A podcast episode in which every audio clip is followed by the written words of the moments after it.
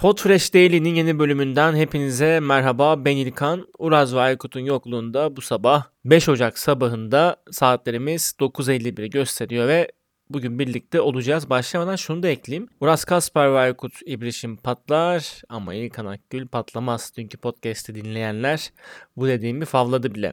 Şimdi bugün biraz e, şundan bahsedeceğiz. Spotify'ın verdiği bir veri vardı. Biraz ondan bahsedeceğiz. E, bildiğiniz gibi 2020 ee, yani gerçekten podcastler için altın yılını yaşadı diyebiliriz. Ama 2021 podcast'in gerçekten hani koşmaya başladığı, ayaklandığı bir yıl oldu. Bunu da aslında bütün uluslararası verilerden de e, anlayabilmek ve görebilmek mümkün. Yeni podcast yapma hızı hiç yavaşlamadı. Podcast yayıncıları içerik geliştirme ve yarattıkları iş modelleriyle her zamankinden daha fazla yaratıcı bir yıl geçirdi. E, bunlara da dayanarak Spotify şu veriyi verdi. Geçtiğimiz yıl Spotify'da e, 1.2 milyon adet yeni podcast yayınlandı globalde. 1.2 milyon yeni podcast. Bu muazzam bir rakam. Ee, yani söylemesi kolay ağızdan çıkıyor 6-7 derecede ama hani Instagram'da falan e, eğer gezdiyseniz yeni yıla doğru Spotify'ın klasikleşmiş wraplerinden bile aslında denk geldiğimiz wraplerden bile ne kadar çok podcast olduğunu ve bunun ekonomisinin nedenli bir hızla büyüdüğünü görmemiz mümkün hale geldi. E, tabii Spotify şuna inanıyor. Diyor ki yani biz bu büyümenin en büyük itici gücünün yenilikçi oluşturma araçlarına erişilebilirlik olduğuna inanıyoruz diyor. Yani şunu söylüyor burada. Bu yeni 1.2 milyon podcast'in, yeni podcast'in 1 milyondan fazlası e, Anchor kullanılarak oluşturulmuş. Yani Anchor'da host ediliyor. Yine Spotify'ın sahibi olduğu Anchor tarafından host ediliyor ve Anchor artık Spotify'daki tüm podcastlerin yaklaşık %75'ine hosting sağlıyor ve bu yayıncıların da büyük çoğunluğu bağımsız içerik oluşturucularından geliyor. Yani bu nedenle aslında kullanıcı davranışları da podcast dünyasında neler olup bittiğine dair bize tüketiciler ve oluşturucular olarak harika bir bakış açısı sunuyor diyebiliriz. Tabii Anchor'ın Spotify'ın tüm podcastlerinin %75'ini host etmesinin bir sebebi var. Yani gerçekten iyi bir uygulama.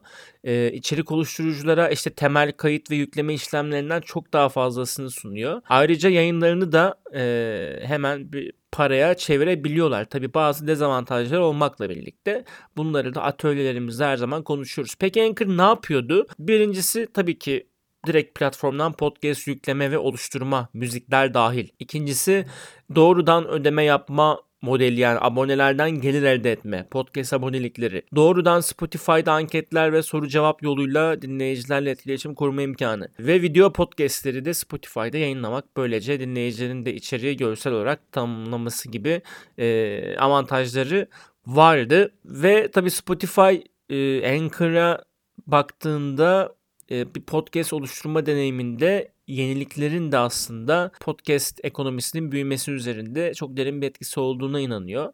2021 verilerine baktığında da bunları rahatça görüldüğünü söylemek mümkün. Şöyle de bir veri var. Son aylarda Spotify'daki e, aylık podcast dinleyicilerinin %40'ından fazlası Anchor kullanılarak oluşturulan podcastlerden en az bir tane podcast dinlemiş. 2021'de yine 13 binden fazla Anchor destekli podcast e, Spotify listelerindeki podcastlerin %35'ini oluşturuyor, oluşturmuş. Ve Anchor destekli, Anchor'ın Anchor'da yaratılan podcastlerin tüketimi de küresel olarak Spotify'a yöneldiği için tüketimin ve dinlemenin yaklaşık %65'i de Spotify'da gerçekleşiyor. Bunun yanında şöyle bir veri de var. Anchor'ın açıldığı yeni pazarlardan ziyade en iyi pazarların olduğu e, ülkeler hangileri olmuş 2021'de Amerika, Brezilya, Meksika, Endonezya ve Hindistan Anchor'ın en çok kullanıldığı, en fazla içerik üretildiği, podcast kayıtlarının yapıldığı ve yayınlandığı ülkeler olmuş. Evet yani yeni yıla girdik ama geçtiğimiz yıla dair çok güzel verileri de paylaşmaya devam edeceğiz bir süre. Bu Spotify'ın verileri tekrar bize gösteriyor ki hatırlamak ve farkında olmak lazım. Podcast endüstrisi 2021'de koşmaya başladı bu yılda yine çarpan etkisinin dalga dalga büyüyeceğine ve devam edeceğine hiçbir şüphe yok.